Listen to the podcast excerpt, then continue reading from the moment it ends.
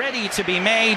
And it is indeed going to be Gerard Piqué, the man of the hour, the man who's taken all the headlines this week, and rightfully so. Clearly emotional. Everyone at the Spotify Camp Nou on their feet.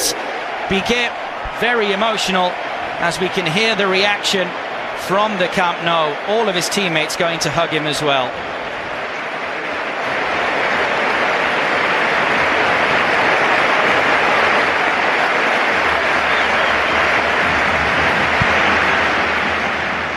Dit was toch wel het weekend van Gerard Piqué.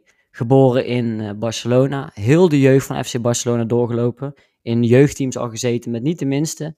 Met een uh, Cesc Fabregas en niemand minder dan Lionel Messi.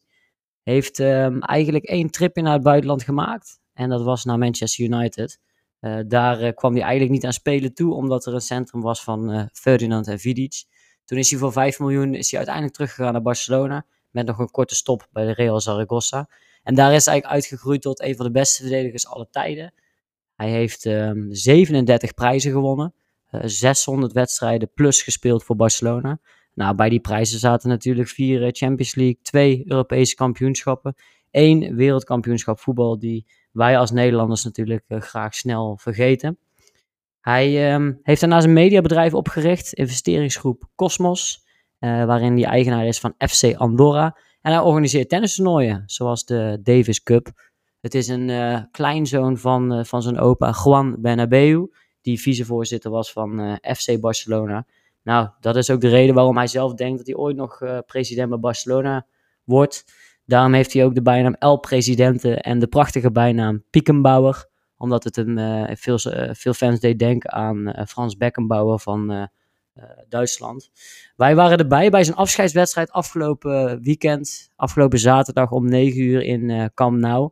Um, welkom bij Pleintjespraat, aflevering 12. We zullen het vandaag in ieder geval over die bijzondere avond hebben in Bernabeu, of in uh, Nou. En daarnaast zullen we het hebben over de topper tussen Arsenal en Chelsea. En natuurlijk ook de topper op de Nederlandse velden tussen Ajax en PSV. Welkom Mark, nu een keertje live vanuit Barcelona. Ja, zeker. zeker ja. Leuk om het een keer, uh, om een keer zo op te nemen. Echt uh, aan de keukentafel, zoals veel, uh, veel podcasters dat tegenwoordig doen. Dus ja, we hebben inderdaad een, een, mooi weekendje in Barcelona achter de rug. En inderdaad ook een wedstrijdje geweest van FC Barcelona tegen Almeria. Dus daar gaan we het over hebben. Wat vond jij er zelf van, van die wedstrijd? Je bent dit jaar nog niet geweest, toch? Nee, dit was eigenlijk de eerste pot die ik uh, dit jaar had. En een natuurlijk nog best wel prille seizoen. Vorig jaar wel best wel wat wedstrijden geweest aan het einde van het seizoen.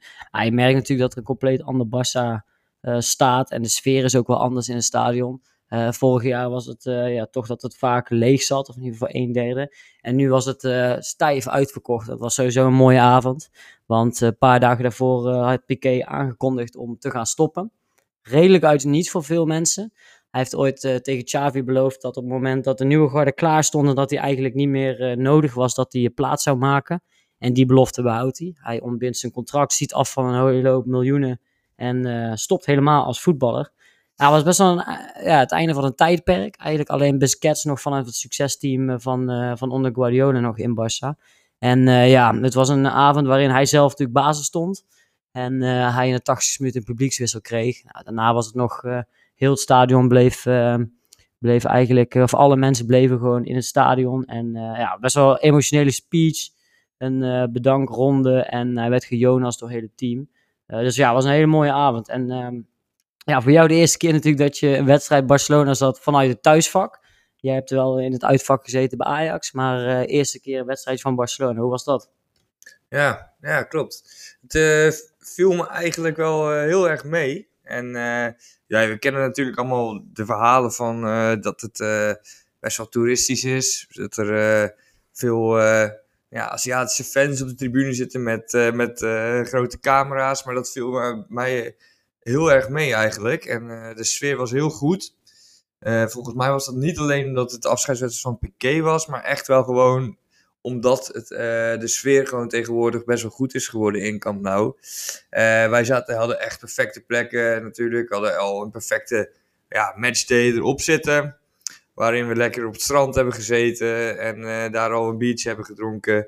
We hebben ergens een, hele goede burger gegeten en toen lekker op het fietsje naar het stadion. Dus dat was allemaal echt ja, super relaxed eigenlijk. En super, eh, super lekker weer. Dus dat was, de voorbereidingen waren allemaal al goed. En toen bleek dat we ook echt wel hele goede plekken hadden. Een beetje schuin, uh, schuin boven het sfeervak. Dus uh, je kon nog een beetje meezingen met sommige nummers. En echt de sfeer sloeg natuurlijk ook wel over naar de wat hogere vakken. Waaronder wij, waar wij zaten. Uh, daarbij zag je, ja, je zat ook aan de kant van de trainer. Dus je had echt heel goed overzicht op alles. En ja, ik vond het dus de ervaring wel echt, uh, wel echt top om uh, zo'n wedstrijdje te zijn. Ja, het is dus wel wat anders geweest, want ik heb wel eens verteld dat ik toen met mijn pa was ik voor coronatijd. Toen ben ik uh, samen met, met hem ben ik puur alleen naar FC Barcelona gegaan om Messi nog een keer live te zien. Nou, dat was toen Barcelona-Valencia. Dat was sowieso een geweldige wedstrijd waarin Messi heel goed was. Luis Suarez en Daniel Parejo waren toen echt niet normaal goed. Maar toen was het was voor corona. En toen, zoals, precies zoals jij zegt, zat ik gewoon tussen de Aziaten in. Die gewoon, uh, naast mij zat gewoon een Aziat die gewoon live ging op Facebook. Hele wedstrijd lang. Ik weet niet uh, of hij dat voor zijn familie thuis in China deed. Maar uh, ja, zo'n zo'n sfeer had het toen een beetje. Voor de Bel-Chinezen. Voor de Bel-Chinezen inderdaad, op de Toto. Maar dat, dat is wel echt, echt anders. We zaten nu bijvoorbeeld in een vak met eigenlijk Spaanse families. En heel veel Spanjaarden sowieso. En wel wat toeristen, zoals wij natuurlijk. Wij zien er ook niet echt typisch Spaans uit. Maar dat is wel, uh, ja, dus de sfeer is wel echt, echt anders dit seizoen. Dus dat was nice. Nou, de wedstrijd zelf was, uh, was ook best wel, best wel leuk. Het was niet wat we dachten, een gala show van tevoren. Als je denkt op zaterdagavond tegen Almeria. Maar het was wel een wedstrijd waarin, nou ja, één iemand vooral opviel.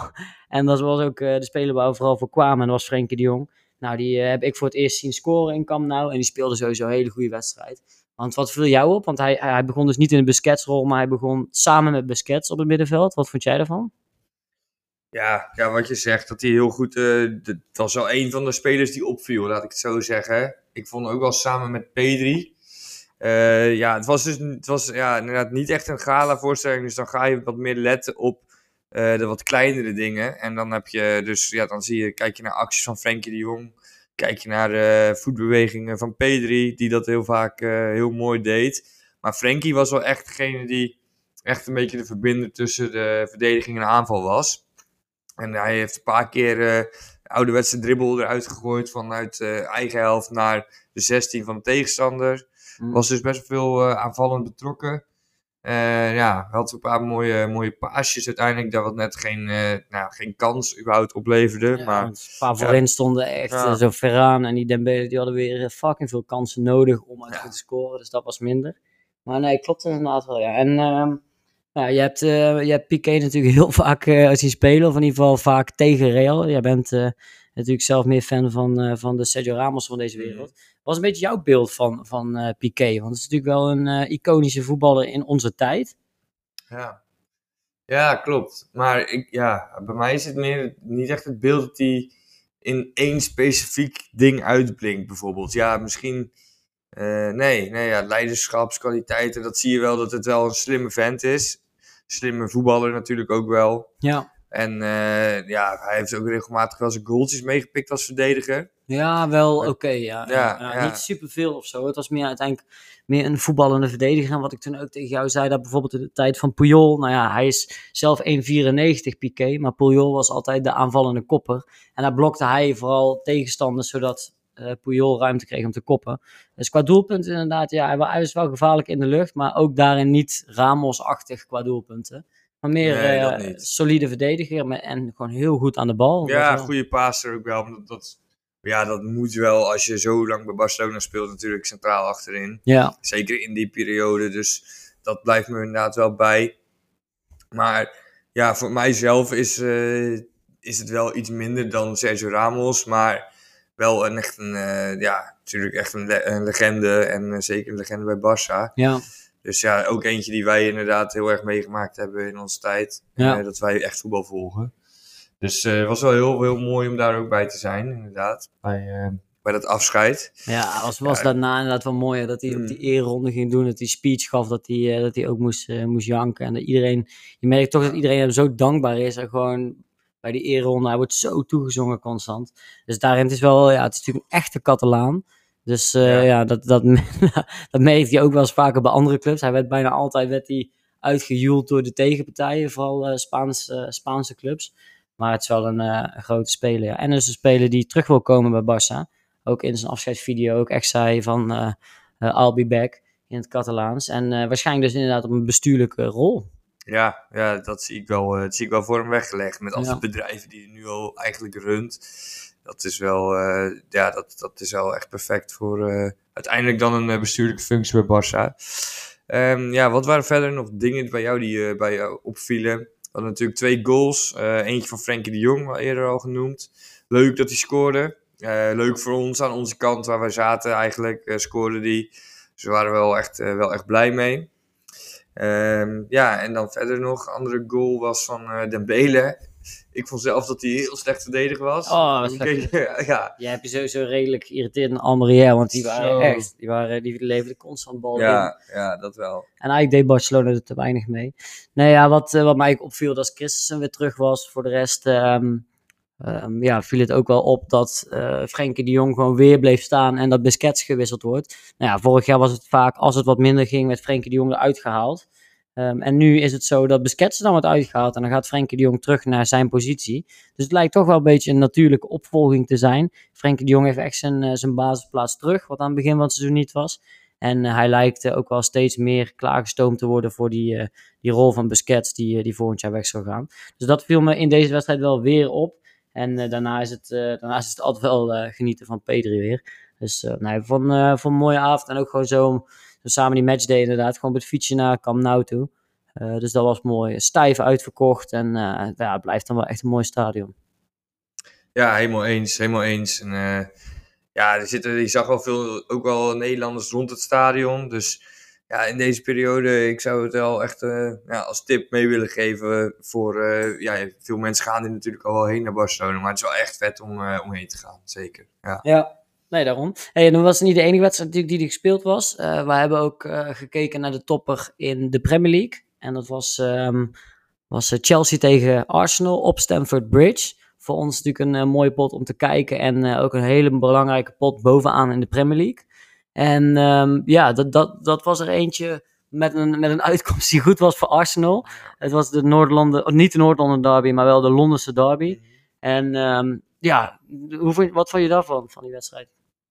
Um, ja, niet, de wedstrijd zelf was niet uh, heel spectaculair natuurlijk. Ook het scoreverloop zie je dat wel. Uh, maar wel, ik, ja, vanuit ons perspectief, uh, wij zijn beide dus Arsenal-liefhebbers. ik vond Arsenal echt heel goed spelen. Eigenlijk, ja, heel degelijk ook wel. Zeker nadat ze voorkwamen, hebben ze echt gewoon die, ja, die overwinning over streep getrokken. En dat is in voorgaande jaren wel eens anders geweest. Dan was het altijd nog billen knijpen na een 1-0 voorsprong. En dat is nu, uh, staat het toch iets beter eigenlijk. En uh, ja, ik vond uh, ja, wel ja, goede, uiteindelijk een gekke goal wel, vind ik. Ik zag hem nog eens terug. En het ging uit een corner. waarbij die eigenlijk heel scherp indraaide. En um, de, heet het, de ja, even de verdediging van Chelsea, die deed niet heel veel. Dus de corner die vloog er bijna in één keer in. Maar er was bijvoorbeeld één verdediger, Cucurella, die was alleen maar bezig met uh, zijn tegenstander. En die hield hij dus de hele tijd vast, terwijl die bal gewoon langzaam ging. En toen kon uh, Gabriel Magalhaes kon zo binnenlopen eigenlijk op de doellijn. Ja. Dus uh, een beetje een gekke goal, maar ja, voor Arsenal had, dat, pakte dat wel goed uit. Ja, Chelsea zit in ieder geval niet in een goede fase. Die hebben natuurlijk die nieuwe coach, die Potter, die Graham Potter hebben ze. En uh, daaronder gaat het nog niet heel goed. Je ziet ook niet echt een bepaalde speelstijl terug. Ik vond ook echt een team eigenlijk een beetje zonder vertrouwen ook. Ook als je zag in de kansen die ze, de halve kansen die ze kregen, een aantal keren dat Havertz doorging en hem eigenlijk op Aubameyang terug ging leggen. Ja. Wat hij eigenlijk dan gewoon niks mee doet. Ik vond het een beetje, dus, dat er weinig vertrouwen in en weinig lijn in het spel sowieso. Ze speelden nu in een 4-2-3-1 in plaats van met vijf verdedigers. Uh, waarin die Cucurella inderdaad op, uh, op linksback stond. En centraal achterin geen Koulibaly, maar Thiago Silva en... Chaloba. Ja, die. En uh, Aspilicueta op rechts. Nou, ik vond het um, uiteindelijk ook met Jorginho en um, uh, Loftus-Cheek. die Loftus-Cheek. Ja, die vond ik gewoon kleurloos spelen. Zo, ja. En je zag op dat middenveld toch dat Arsenal daarin wel de overhand had. Chaka speelde uiteindelijk weer een goede pot. Uh, Party is daar heel belangrijk in. En uh, ja, Arsenal speelde echt juist met de, de ideale elf. Zelfs Zinchenko stond op linksback weer, weer terug na een tijdje weg geweest te zijn. Tierney op de bank. En ja, je zag toch wel, daar achterin staat het gewoon zo goed. Zij kunnen zo Mm. inderdaad nu spelen op een 1-0, terwijl dat echt anders is geweest. En daarnaast viel natuurlijk eh, Gabriel Jesus weer op, die overal op het veld was. Niet alleen in de spits, liet zich Ja. veel zakken. Eh, was, eh, was zelfs soms degene die, eh, die zichzelf aanbood op de centrale middenvelderspositie. En is dan, ja, scoort uiteindelijk niet, maar is zo belangrijk als je hem ziet in zijn werklust. Hij onderschept een paar ballen waar grote kansen uitkomen. En ja, Chelsea blijft ook voorin doorwisselen. Een aantal spelers die erin komen, die eigenlijk allemaal gewoon niet het verschil kunnen maken. En, en Hakim Ziyech blijft op de bank. Speelt, speelt geen enkele minuut. Nee, bij vorige trainer natuurlijk ook al. Thomas En, Tuchel. ja, eigenlijk eh, voor hem eh, ziet het er niet heel rooskleurig uit. Eh, dus die zal wel in de- in de winter wel weggaan, denk ik. Misschien dat hij op het WK nog wel eh, een beetje in- indruk kan maken met Marokko. Ja, dat zou eventueel nog wel Dan kunnen. maar, heeft hij nog wel een beetje, kan hij zich gewoon de kijker spelen bij andere clubs. En, is er alleen ook niet helemaal team voor, hè? nee. Het is ook niet het team om helemaal... Kijk, je kan er wel wat uitspringen, maar je kan natuurlijk... Ja, je kan er, ze kunnen er voor een verrassing worden in de groepsfase, maar meer ook niet, denk Nee, ik. Nee. Dus daar moet hij het echt laten zien. En eh, nou ja, ja, wat je zegt, Chelsea bracht aanvallend niet heel veel in. Nee. Eh, daar komen dan echt spelers als Brogga, dus oud Vitesse-spits. Eh, zit op, ja, is eigenlijk nu, krijgt nu de kans na een paar aantal verhuurperiodes. Die werd ingebracht in plaats van Aubameyang, die we gelukkig niet veel hebben gezien. Had maar acht balcontacten. Eh, ja, werd vooral niet gevonden eigenlijk door zijn teamgenoten. Dus wat jij net al noemde door Havertz. Ja, ze Stond twee keer wel goed eh, vrij, maar eh Havertz die, eh, ja, die kreeg de bal gewoon niet Ja. bij Auba. Ze hebben uiteindelijk, ik vind dat Chelsea er echt niet op vooruit is gegaan. Ik vond dat ze, nou, ze begonnen het seizoen natuurlijk met Thomas Tuchel en met een, ook gewoon best wel een goed team ook echt. Ze hebben gewoon, achterin hebben ze met een, een Koulibaly bijvoorbeeld spelers teruggekocht, omdat zo'n Rudiger wegging. En ik vond dat ze nog best wel oké hadden ingekocht. Ik ben niet een extreme fan van Sterling, maar het is natuurlijk wel een groot speler die je binnen Engeland binnenhaalt. Eh, dus ik had eigenlijk wel iets meer ervan verwacht. En eh, ja, onder de nieuwe coach lijkt het eh, nog niet heel veel beter. Dus nou ja, gunstig voor Arsenal. En dat was niet het enige gunstig voor Arsenal. Want Manchester United die verloor van Aston Villa. En daarnaast, even kijken, City won natuurlijk wel. Maar Tottenham Ja. ging onderuit tegen Liverpool. Eh, dus daarin was het wel, daarin zie je toch wel in de Premier League dat op dit moment eh, Arsenal en eh, City gewoon wel echt bovenaan komen. En ook wel echt een gat slaan met die nummer drie. En dat is, Mhm. iets, ehm, ja, dat is iets wat nog niet, wat nog niet helemaal verwacht was, denk ik, aan het begin van het seizoen. Vooral met een Liverpool en een Chelsea die best wel veel punten laten liggen. Ja. ja, nee, het lijkt inderdaad heel erg op dat die twee het uit gaan maken. En ja, dat wordt heel, de, sowieso die onderlinge potjes worden heel belangrijk. Maar Arsenal wel echt goed dat ze nu ook de toppers ook nog over eh, winnend afsluiten. Dus eh is ook wel eens anders geweest de voorgaande jaren. Dus eigenlijk op meerdere facetten zie je eh, echt hele, hele goede verbeteringen. Ja, want even ter beeldvorming, als, als Arsenal en City hun inhaalwedstrijd winnen, dan komt Arsenal op 10 punten voorsprong op de nummer 3. Wat op dit moment Newcastle United is. Dus daarin ehm, ja, zie je echt, echt een gat geslagen. Ja, ja, ja, en, absoluut. eh, dat, is, dat, is, ja, dat, dat is toch wel mooi om te zien. daarin. Ja, ja, heel misschien dat er ook nog wel wat budget is om eh, in de winter nog wat te doen. Denk je dat ze kampioen worden? Eh, ja, ik zeg wel ja. Ik denk het niet. Ik denk dat. City, City kampioen wordt. En dat Ja. heeft te maken met breedte uiteindelijk. Als je bij Arsenal, als je de kern kijkt, of in ieder geval de as en vooral in het middenveld, met een Party en een Eudegaard en Chaka. Chaka, wat natuurlijk echt de, hoe noem je dat, revelatie, of wat is een mooi woord daarvoor. Ja, dat- niemand had verwacht dat hij zo goed zou spelen in een iets naar voren eh, getrokken achtpositie. eh, waarin hij vo- voorgaande jaren toch wel iets meer teruggetrokken verdedigde in een... eh, eh, eigenlijk meer een twee centrale middenveldersrol. Dus nu iets meer naar voren geschoven. En hij is, ja, nooit verwacht dat hij zo goed zou zijn dit seizoen. Trouwens ook even een side note. Kepa van Chelsea, dat hij nu weer eh, normaal gesproken onder de lat staat, had ik ook nul verwacht. Eh, deze wedstrijd tegen Arsenal stond uh, Mandy weer eh, onder de lat. Maar normaal gesproken dit seizoen is dat Kepa. Nou, dat zijn wel twee gasten waar ik, het, eh, waar ik geen stuiver voor had gegeven aan het begin van het seizoen. Nee, maar ik denk dat uiteindelijk als je die spelers bij Arsenal weghaalt, dat de, de tweede garnituur, dat die gewoon echt niet goed genoeg is. Nee. Als je Jesus weghaalt, heb je een. Als je Party weghaalt, heb je Samuel Conga. Op het moment dat je Eudegaard weggaat, heb je Vieira. Ehm, en eh, nou ja, achter Chaka is El Neni zelfs. Dus ik denk gewoon dat als daar wat blessuretjes komen, dat het heel gauw minder wordt. En dat ze dan niet op kunnen boksen tegen de 2,5 volledige selecties die eh, City weg kan zetten. Ja, Maar ja, Leicester City werd ook precies. kampioen. Ik heb weer dat scenario eh, in mijn hoofd. Dat En die je hadden nul blessures toen. Ja, of dat je het hele seizoen, eh, het hele seizoen juist underdog blijft. Zeg maar van het hele seizoen gaan clubs denken, zij, kunnen, zij gaan het niet worden. Zij blijven misschien top 2, maar nooit, de, nooit op de eerste plek, zeg maar.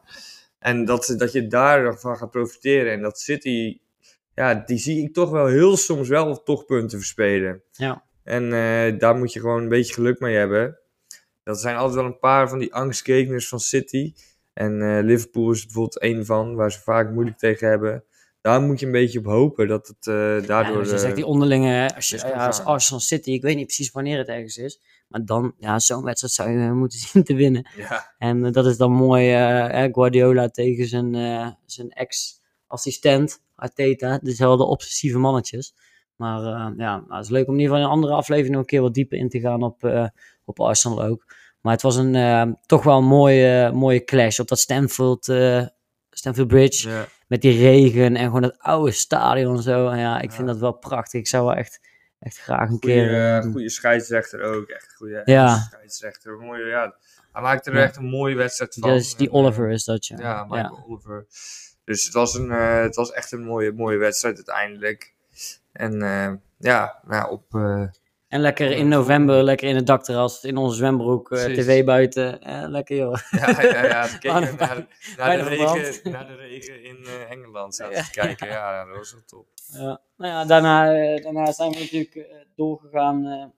zijn, we, zijn we zelfs in de Amsterdam bar zijn we gaan kijken naar de toppen tussen Ajax Ja. en PSV. Helemaal volgeladen met Nederlanders en Ja. Ajax-shirts. Dus dat was wel... Er gingen broodjes frikandel gingen er rond en dat in hartje Barcelona. Nee, dus dat was, nou, daar hebben we natuurlijk ook heel erg naar uitgekeken. In de Amsterdam Arena was, eh, was de toppen tussen nummer 1 en eh, nummer 2. Eh, en nou, die hebben we al wat voor besproken. En ik denk dat er best wel wat dingen zijn geweest die we voor hebben besproken, die uit zijn gekomen. Ehm, uiteindelijk was het een wedstrijd die is geëindigd in 1-2. En nou ja, al best wel snel toen, toen To- Koning Gakpo de eerste voorzet richting Luc de Jong gaf, was het eigenlijk, ja, kon je eigenlijk zien dat daar het wapen van PSV eh, ja, wel was. Misschien ook goed om even nog, ja, de meesten weten waarschijnlijk wel, even terug te gaan naar de, naar de opstellingen van beide teams. Eh, ja, deels dus wel hoe wij verwacht hadden, denk ik. Ehm, want wij zeiden zelf van dat Veerman zou sowieso wel spelen bij PSV en Guti ook. En uiteindelijk heeft hij het dus ook gelukt om die drie samen met Sangaré dus op één middenveld te krijgen. En wij dachten ook al dat Madueke inderdaad niet, eh, niet zou gaan spelen, maar dan Simons op rechts eh, zou verschuiven. En dat is ook, eh, nou ja, uiteindelijk zo, dat is ook uiteindelijk gebeurd. Dus een beetje ons doemscenario kwam helaas uit. En Ajax maakte een hele andere opstelling uiteindelijk. Met, waarbij Blind op de bank bleef. Rens op linksback, nadat hij een halve wedstrijd goed heeft gedaan tegen, tegen Rangers. En Sanchez die speelde op rechtsback. Om, ja, tegen Cody Kakpo eigenlijk. Eh, daarnaast zag je dat eh Kudus stond eh, op 10. Ja, eindelijk waarbij- Bobby en Kudus samen een keer wat veel Ja. fans altijd hoopten. maar nog niet eerder was gespeeld. Dus dat maakte wel weer de keuze misschien wat, wat gekker van Schreuder. Maar dus, ja, ja, die twee opstellingen had je uiteindelijk. Ja, bij PSV de gebruikelijke namen wel, wel achterin. Mhm. En voorin ook verder. Maar dat waren de enige ja, puntjes waar ja, wat dingen waren veranderd. Uiteindelijk vond ik dat, dat Range op linksback goede wedstrijd speelde. Speelde eigenlijk eh, dus tegen Xavi Simons en verdedigde eigenlijk goed. Best wel kort erop. Ik vind hem nog wel wat vaker dat hij er wat verder vanaf verdedigt. Maar op dit moment deed hij dat goed. Ja, Xavi Simons natuurlijk in bloedvorm en eh, kwam niet extreem veel aan voetballen, voetballen toe. Nou, ging één keer kwam die door en toen kreeg hij een, eh, een pingel mee. Alleen die werd uiteindelijk teruggedraaid. Nou, dat was wel terecht Zeer terecht. Ja. goede, goede verdedigende actie van Gakpo. Of zo van Gakpo van eh Rens. En ja, voor de rest vond ik, eh, vond ik dat ja, de Jong is zo, zo machtig altijd tegen, eh, tegen Ajax. En met die voorzet, hè, Cody Gakpo die op links buiten die bal voorgeeft. En ja, hij geeft een, een klein duwtje, Luc de Jong, aan Bessie. En gelijk staat hij al gewoon voor de keeper. Pasveer deed daar eigenlijk ook niets. Stond aan de grond genageld. En dat, dat was wel tekenend voor de wedstrijd en hoe ver Ajax nog is op verdedigend vlak in mijn ogen. En eh, hoe effectief dan toch Luc de Jong altijd is. Ja, precies. Ja, die goal viel uiteindelijk ook wel na een uh, langdurig balbezit van PSV. Echt een beetje uh, via de ouderwetse Hollandse school. In een U-vorm waar ze naar elkaar aan het rondspelen, maar wel effectief uiteindelijk. En, een handbal. ja, heel, maar heel rustig aan het rondspelen eigenlijk. echt laat de tegenstander maar komen. En Ajax die zette daarin heel slecht druk. En dat resulteerde uiteindelijk dat ze elke keer te laat kwamen. En waardoor PSV anderhalf minuut balbezit had. Uiteindelijk de bal bij Godi Kakpo kreeg en daar de voorzet uitkwam. Dus ja, dat was uh, voor Ajax natuurlijk niet, niet lekker. Nee, wat ook wel opviel was dat bij Ajax dat de vleugels gewoon nul rendeerden. Je hebt natuurlijk het hele Tadic-Bergwijn dilemma. Maar je merkte dat gewoon vanuit rechts komt gewoon niks. Vanuit Bergwijn ook niet op die positie. Nee. En Tadic dan in deze wedstrijd had nul rendement. En dan verwacht je toch eigenlijk dat hij er dan uitgehaald wordt. En hij bleef maar staan. Hij heeft, hij heeft volgens mij Ja. bij een hele wedstrijd gespeeld. In de En, rust ehm, gooide hij het weer een beetje om. Hè? Dan ging eh, Dat doet hij altijd. Ja, Ja, altijd een beetje tevreden houden. Ja, maar eh, in mijn ogen had hij Tadic er echt wel uit moeten halen, want er zat echt geen rendement achter. En de Bobby die werkte zich een eh, slag in de ronde, maar die, ook hij kon, werd weinig in stelling gebracht. Ja, ja het, werd niet meer, het was niet echt zo dat hij heel vaak eh, de bal kreeg met de man in zijn rug. Zoals, en dan dat ze eronder komen. Nee. Terwijl dat Ja. een beetje zijn spel is natuurlijk. ja, ja. Nou ja, de PSV bouwde dat denk ik gewoon heel goed dicht. Die hield echt, eh, in de analyse van Pieter Zwart bij, eh bij VI Pro werd dat ook wel gezegd, dat ze het centrum vooral dicht hielden. ja. Dus echt verdedigend vanuit een 4-4-2 en dan het centrum dicht bouwen. Dus ja, Ajax heeft dan, zoals omdat Blind natuurlijk niet meedeed, hebben ze echt heel veel moeite om daar doorheen te spelen. Door, eh, die, middelste, door die middenlinies eigenlijk, Mhm. tussen de linies komen. Ja, dat, dat was eh, gewoon een goed... eh, En dan komen toch uiteindelijk wat meer, eh, wat meer spelers in balbezit. Als zo'n Sanchez, die rechtsback Ja. van Ajax, die in balbezit gewoon zwak is. En Alvarez, die uiteindelijk ook niet het spel kan maken. nee, Ik vond daarin, eh, ik vond wel gewoon echt tekenen dat een Tadic en een Moene niet eens echt langskwam. Wat in mijn oog niet de beste verdediger is. Eh, en daar verwacht je toch wel iets meer van, ja, een van de beste aanvallers van de afgelopen seizoen in de Eredivisie. Maar dat vond ik, ik vond daarnaast ook wel de duels tussen Kudus en Sangaré mooi. Het zijn toch twee redelijk fysieke spelers die ja, wel gewoon heel goed in de duels zijn. En eh, nou, daar was eh Kudus eh, en zowel Kudus als Sangaré allebei wel echt goed in die duels. Dus ja, het was, op dat soort vlakken was het een redelijk mo- mooi duel. Alleen over het algemeen heeft PSV Ajax echt afge... ja, gewoon op alle, alle fronten gewoon overtroffen. En dat is toch wel pijnlijk om te zien voor een Ajax die op dit moment bijna alle toppers heeft verloren. Twee keer Ja. tegen Napoli verloren, twee keer tegen Liverpool verloren, één keer tegen AZ en twee keer tegen PSV.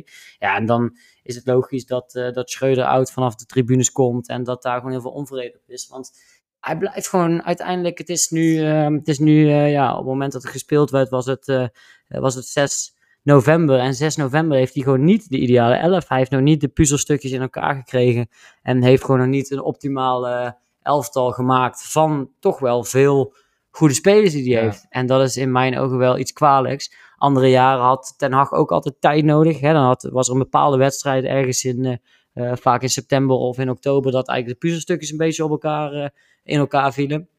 Dus of dat nou een, een Schöne naast Frenkie op een dubbele zes was, of, of dat dat nou Tadic in een, in een bepaalde spitse variant was. Hij kwam toch wel een beetje erachter van wat is een beetje mijn ideale elf. En dat heeft Schreuder niet. Hij blijft maar dat roleren. hij- geeft hij zelf ook toe, hè. Dus, eh, zijn teksten na afloop zijn ook niet heel eh, hoopvol voor de Ajax Hij supporters. legt het er een beetje bij neer. Ja, en hij zegt dan, ja, tegen RKC uit en Rangers was het wel goed. Ja. Dat soort zulke argumenten komt hij mee. Ja, dat is wel, eh, ja, dat is wel, eh, wel schrijnend. Maar ja, ik vraag me bij, bij deze selectie bijvoorbeeld wel af. Ja, ik heb wel een beetje het idee dat hij dit wel in de schoot geworpen heeft gekregen. Dat het niet helemaal zijn selectie is. En een trainer kan nooit een selectie samenstellen. Nee, nee, dat is zeker. Maar de meeste aankopen waren natuurlijk al wel bekend. En sommige komen ook eh, toen hij kwam. En sommige die komen ook niet helemaal uit zijn koker. Dus bijvoorbeeld, ja, hij zal is echt zijn, niet degene... maar wat is zijn koker? Want- Hij zal niet degene zijn die bijvoorbeeld achter zo'n Sanchez zit. Nee, maar ja, als trainer geef je aan, ik wil een, ik wil een fatsoenlijke rechtsback. En dan krijg je een rechtsback.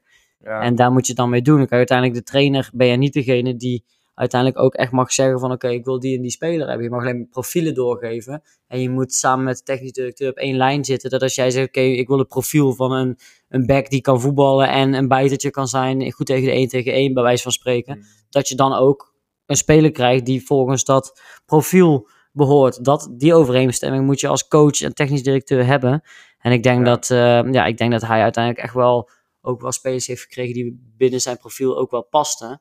En eh, ik denk dat hij uiteindelijk op dit moment gewoon, gewoon als trainer weinig automatismes creëert en weinig vastigheden in een elftal heeft. Kijk, Mm. na een tijdje als coach ben je wel er verantwoordelijk voor dat, een, dat er een elf staat die vaak met elkaar spelen. Een linksbuiten die weet wat de linksback doet. Een eh, middenvelder die weet waar die uit moet zakken als de verdediging waar loopt. En dat zijn automatismes wat je erin moet krijgen. En dat is wel in mijn ogen gewoon aan de trainer om dat te doen. En dat is op dit moment eh, ja, veruit eh ondermaat. En ook als je dat met vergelijkt met PSV, ja, die hebben ook natuurlijk een hele hoop nieuwe spelers. Nieuwe trainer, nieuwe technisch directeur daar. En eh, Van Nistelrooy kan het toch op dit moment beter voor elkaar krijgen om vastigheden te creëren in het elftal dan, dan Schreuder op dit moment. En niet ten alle tijden. Hè. Ik bedoel, een paar weken geleden gingen ze ook nog onderuit tegen Groningen, PSV. Maar ja, overal zie je toch iets meer, iets meer vastigheid in het elftal. Ja, het is denk ik ook een beetje de fase waar je als elftal in zit. En ik denk dat Schreuder heeft wel een beetje een tussen, een overgangsjaar gekregen van voor, bij de Ajax-selectie. eh, waarin spelers als Blind en Tadic natuurlijk denk Die- echt de laatste jaren is van Blind niet en het laatste Tadic. jaar, maar die zijn nu, dat merk je, dat zie je echt tegen eh, dit seizoen, zie je het echt aan hun niveau dat ze aan het, iets aan het eh, aftakelen zijn. Ja, ja. En wel, ja. dat had eh, Ten Hag waarschijnlijk niet in de afgelopen jaren. En dat is nu, komt dat nu veel meer eh, tot uiting. Ja, dan gaan echt spelers zoals Martinez en Anthony weg. Wat echt gewoon twee eh, van de belangrijkste spelers van het elftal waren vorig seizoen. En dan zien dat maar eens op te vangen. Dus ik denk dat dat, dat heeft ook gewoon tijd nodig. En ja, ik ben ook wel van mening dat hij daar wel misschien een jaar de tijd voor moet krijgen. Ja. En als je aan het eind van dit seizoen nog echt geen verbetering ziet, dan moet je misschien Ja. afscheid gaan nemen. Je moet wel na een tijdje wel echt verbetering gaan zien. Dat is Ja, zegt. Kijk, het, het hoeft allemaal niet gelijk eh, hiervan het te zijn. Maar als je in ieder geval wel gewoon ziet dat er eh, echt progressie geboekt wordt. Wat nu gewoon eh, ja, niet echt is. Hey, en ehm, als Louis van Gaal zat waarschijnlijk ook of in het stadion of voor de buizen gekluisterd. Hij heeft natuurlijk een aantal ehm, spelers, of in ieder geval een aantal posities in zijn selectie waar hij nog twijfelt. Hij heeft natuurlijk gekeken naar Rens op rechtsback. En eh, natuurlijk ook naar eh, Xavi Simons en Luc de Jong. Eh, hoe vind jij dat die spelers zich in zijn, zijn spotlight hebben gespeeld? Nou ja, Rens speelde natuurlijk op linksback. Ehm, ergens denk ik misschien voor Rens wel, ja, voor hem wel heel ehm, positief dat hij echt duidelijk op twee, twee posities kan spelen. Dus eh, dat als, wanneer hij meegaat naar het WK, dat hij in, in eh, uiterst geval zelfs nog als linksback ingebracht kan worden. Ja, En ook op rechtsback. Dus dat. Ja. eh, maar verder ja, was hij best wel degelijk. Tegen Rangers natuurlijk ook wel. Daar was hij heel aanvallend juist heel goed. Tegen PSV was hij verdedigend best wel degelijk.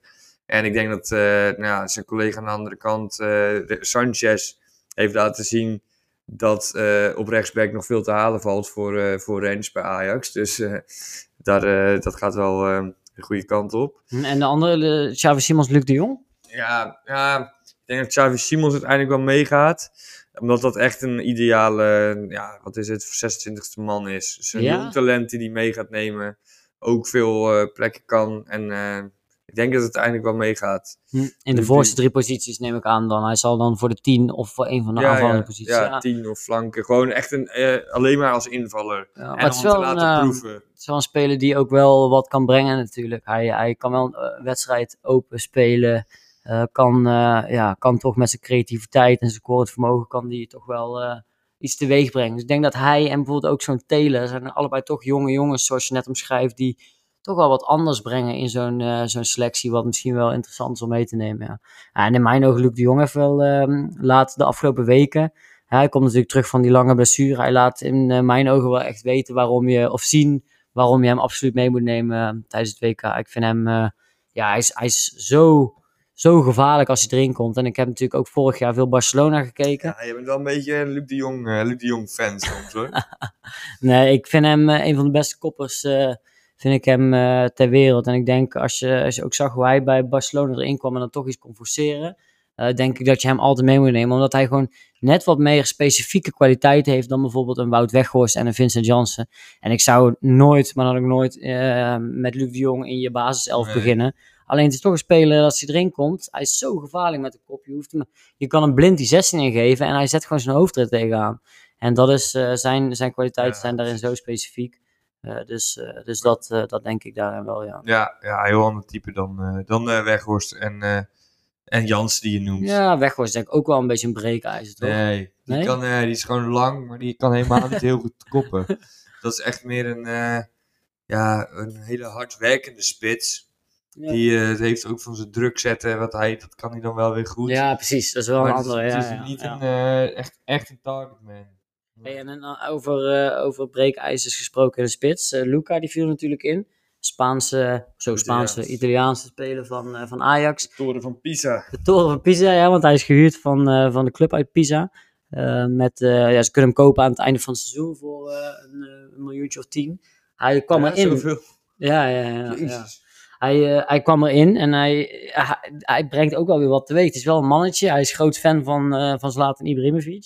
En er zit wel wat gif in. En hij scoorde uiteindelijk dan die goal. Bracht best wel wat gevaar. Ik vond ook wel dat als dit dan je enige goal is, dat het ook wel eh, ja, ook niet, niet heel goed is voor zo'n Ja, hij Schreuder. heeft wel een paar, eh, hij heeft wel een paar gemist ook. Een paar kansen gemist, maar ook nog niet heel veel kansen gehad. Nee, En de beelden die hij bij Jong laat zien zijn op zich wel weer goed. Wel positief. als Dus- breekijzer, toch? Ja, maar Ja. daar is hij dus eerste spits. Ja, ja dat is hij eerste spits. Ja. Maar ik weet niet of Ajax hem echt als eerste spits Nee. heeft gehaald. Maar ja, het is wel een eh, talentvolle jongen. Lang ook natuurlijk. En eh, goed met het hoofd. En eh, ja, wat ik zeg, zit wel gif in. Het is wel mooi dat hij dan nog scoorde. Ja, nou in ieder geval eh, woensdag kan Ajax de koppositie weer terugpakken van PSV. Met een inhaalwedstrijd eh, thuis of uit? Ja, thuis tegen Thuis. Vitesse, daar eh, ga ik heen. Of, eh. Oh ja, Jij, gaat, eh, jij gaat regelrecht van Schiphol eh, Ja. naar, eh, naar de Belma Arena. Mooi. Kijk, er zijn de wedstrijdjes. Dus dan, eh, dan zal het weer spannend worden. Dan zal, als Ajax wint, zullen ze met een eh, één punt voorsprong zullen ze het WK ingaan op eh, PSV. En dan, eh, nou ja, ik denk dat de winterstop, of in ieder geval eh, het WK voor PSV, niet zo'n heel goed moment komt. Maar eh, voor Ajax in ieder geval wel. Ja. Ja, je ziet in de eerste WK-selecties, die druppelen nu ook binnen. Dus dat is ook wel mooi om te zien. Eh, dus daar gaan we denk ik binnenkort ook wel wat meer over hebben. Vandaag eh, is Brazilië bekendgemaakt bijvoorbeeld. En eh, ja, een paar, bekend, een paar leuke namen om uit te lichten is dat Dani Alves erbij zit op 39-jarige leeftijd. Good old Dani Alves. Ja, de, de aanval is, die pelt echt uit van talent. Eh, ik zag alweer twee filmpjes voorbij komen van eh Richarlison en Anthony die met hun familie zitten te kijken naar de bekendmaking. Zitten er dus allebei bij. Ook eh, de twee genoemde namen van Arsenal, Martinelli en Jesus in de aanval erbij. En, ehm, en dan heb je verder nog, ja, natuurlijk Neymar, Vinicius, Rodrigo van Real Madrid. Dus die hele aanval, ja, die pelt echt uit van talent. Dat was wel opvallend. Ja.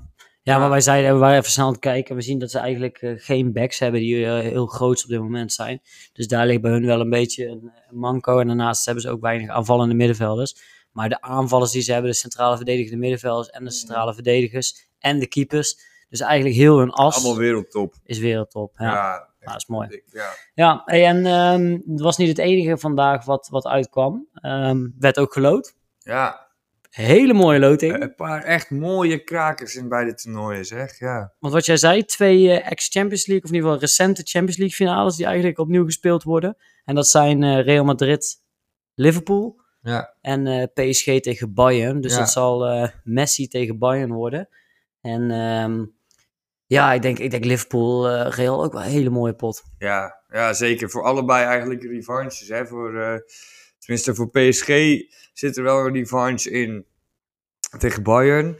En Liverpool die willen echt nu van twee keer eh, Ja, willen ze echt wel revanche nemen. want die hebben natuurlijk die, eh, die finale toen verloren met Karius, die keeper die de fouten ging en die Ja. omhaal van Bale. En ze hebben vorig jaar, Ja, afgelopen seizoen. afgelopen seizoen, ja, ja, Ja, afgelopen Champions League verloren. Ja.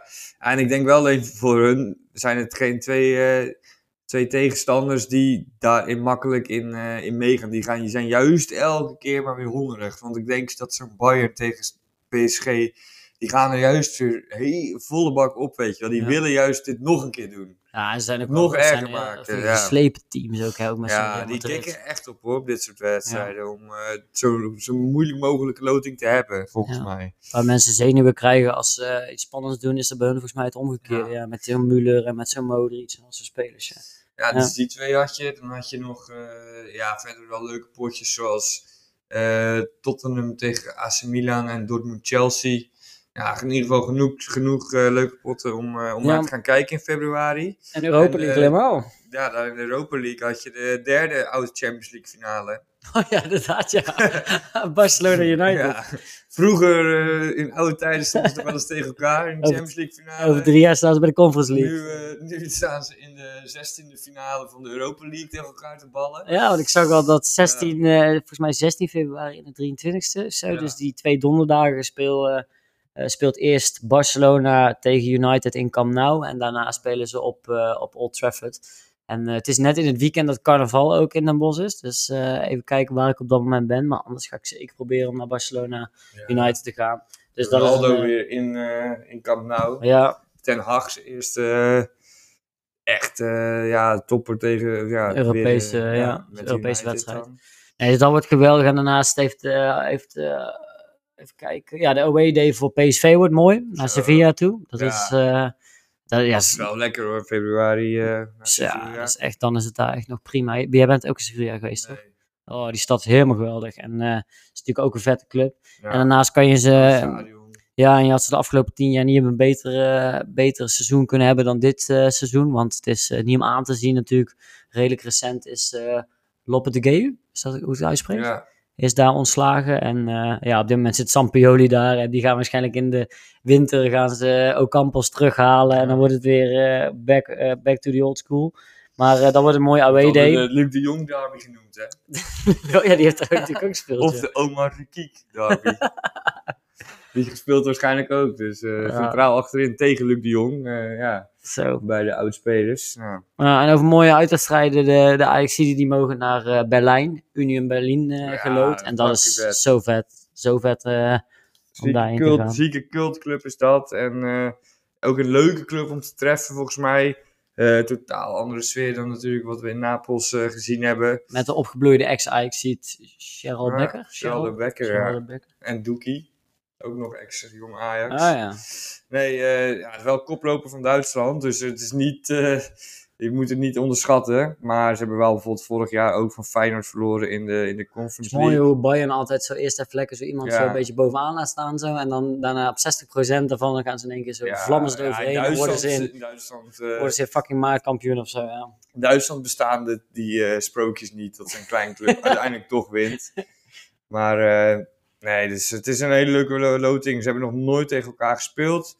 Wordt in het Olympiastadion in, eh, in Berlijn. Volgens mij Olympiastadion. Ja, Olympisch Stadion is denk ik het BS toch, of niet? Ja, of Olympiastadion. Oh, dat is maar misschien iets anders dan. het is niet heel groot, dat weet ik wel. Het is iets van 22.000 man kan er maar in. Dus, eh, voor, en eh, er wordt al gezegd, op, op Twitter wordt al gesuggereerd dat er eh, weinig kaarten in thuisvakken te, ga- te krijgen zijn. Dat, het daar, eh, dat die fans echt mega, mega trouw zijn en eigenlijk alles gaan. ja, er Dus zitten eh, het worden echt 21.000 wel een paar, eh, ja, een paar gelukkigen die in het uitvak kunnen zitten.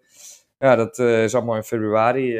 gaan we dat volgen. Ja, nou mooi. Nu de laatste, laatste wedstrijd van het seizoen, van, van deze helft van het seizoen. En daarna op naar, op naar het WK. En ehm, ja, leuk in ieder geval. Leuk om in ieder geval zo in Barcelona, FC Barcelona gezien te hebben. En eh, misschien dat je nu toch steeds iets meer voetbalverstand krijgt en toch eh, fan van Barcelona wordt. Ja, dat eh, moet nog, moeten we nog maar zien. Maar... Ja, maar die, die sjaal wil je niet aandoen, hè? Nee, nee, nee. Maar, nee ik ga niet, we hebben een mooie, mooie standbeeld van Cruijff gezien, maar ik ga er niet met een Barcelona-sjaal staan. Nee. Mooi man. En heb je voor de rest nog, nog aanraders? Want nou ja, een weekendje Barça kan je iedereen aanraden. Voor de rest nog dingen. Ehm, ja, ja, zeker precies eh, wat je zegt al. Eh, dat weekendje natuurlijk, dat wil je wel, eh, dat wil je mensen wel aanraden. Maar mensen die hierheen gaan, vaak, wij, wij hebben vrijdag iets gedaan wat volgens mij niet super bekend is onder de Nederlandse nou, toeristen bijvoorbeeld. Maar dat is de ja, berg in Montserrat zijn wij geweest. En daar heb je ja, uurtje buiten de stad met de trein. Dus uh, ga je rechtstreeks heen. En dan kan je eigenlijk een uh, super mooie hike maken. Naar een, uh, eerst naar een klooster. Daar heb je super mooie uitzicht. Je vaant je echt in een hele andere wereld. Een soort Rocky Mountains van Spanje-achtig. dus je hebt helemaal niet het idee dat je vlak bij Barcelona zit. En dan, wij waren vanaf het klooster zelfs nog verder gegaan. Uiteindelijk naar de top van 1300 meter. En met, ja, tussendoor heb je fantastische uitzichten. Ja, en, Het is niet druk. Het is gewoon echt lekker om daar te zijn. Dus dat is wel een tipje voor, voor mensen die deze stad bezoeken, denk ik. En jij nog dingen? nou ja, jij, jij raadde mij de docu over blind aan. Ja. En die wil ik nog even gaan kijken als tip. Nou, ik heb zelf Zeker, heb ik hier in, naar het vliegtuig, uh, in het vliegtuig heb ik die gekeken, ja. Ja, dus dat is wel, uh, dat is denk ik wel. En, um, en ook nog een andere tip die hij me gaf was die podcast over die moord op Mallorca van die vriendengroep. En ja. dat lijkt me ook nog wel, uh, dat lijkt me wel. Ja. is een beetje random tips, maar dat zijn de dingen die mij te binnen schoten. Ja, okay. dus ga, ga het luisteren, ga het doen, ga het kijken. Zo is dat. En, en blijf vooral, hoe heet het, Pleinspraat liken en volgen. Geef ons vijf sterren op Spotify precies. Helemaal goed. Hey, wij, gaan, uh, wij gaan hier nog eventjes uh, in Barcelona nog even een paar dagen vertoeven. En dan de volgende zal weer op afstand zijn. En dan gaan we richting het WK toe, die op 21 november gaat beginnen. En uh, tot de volgende keer. Yes, tot de volgende.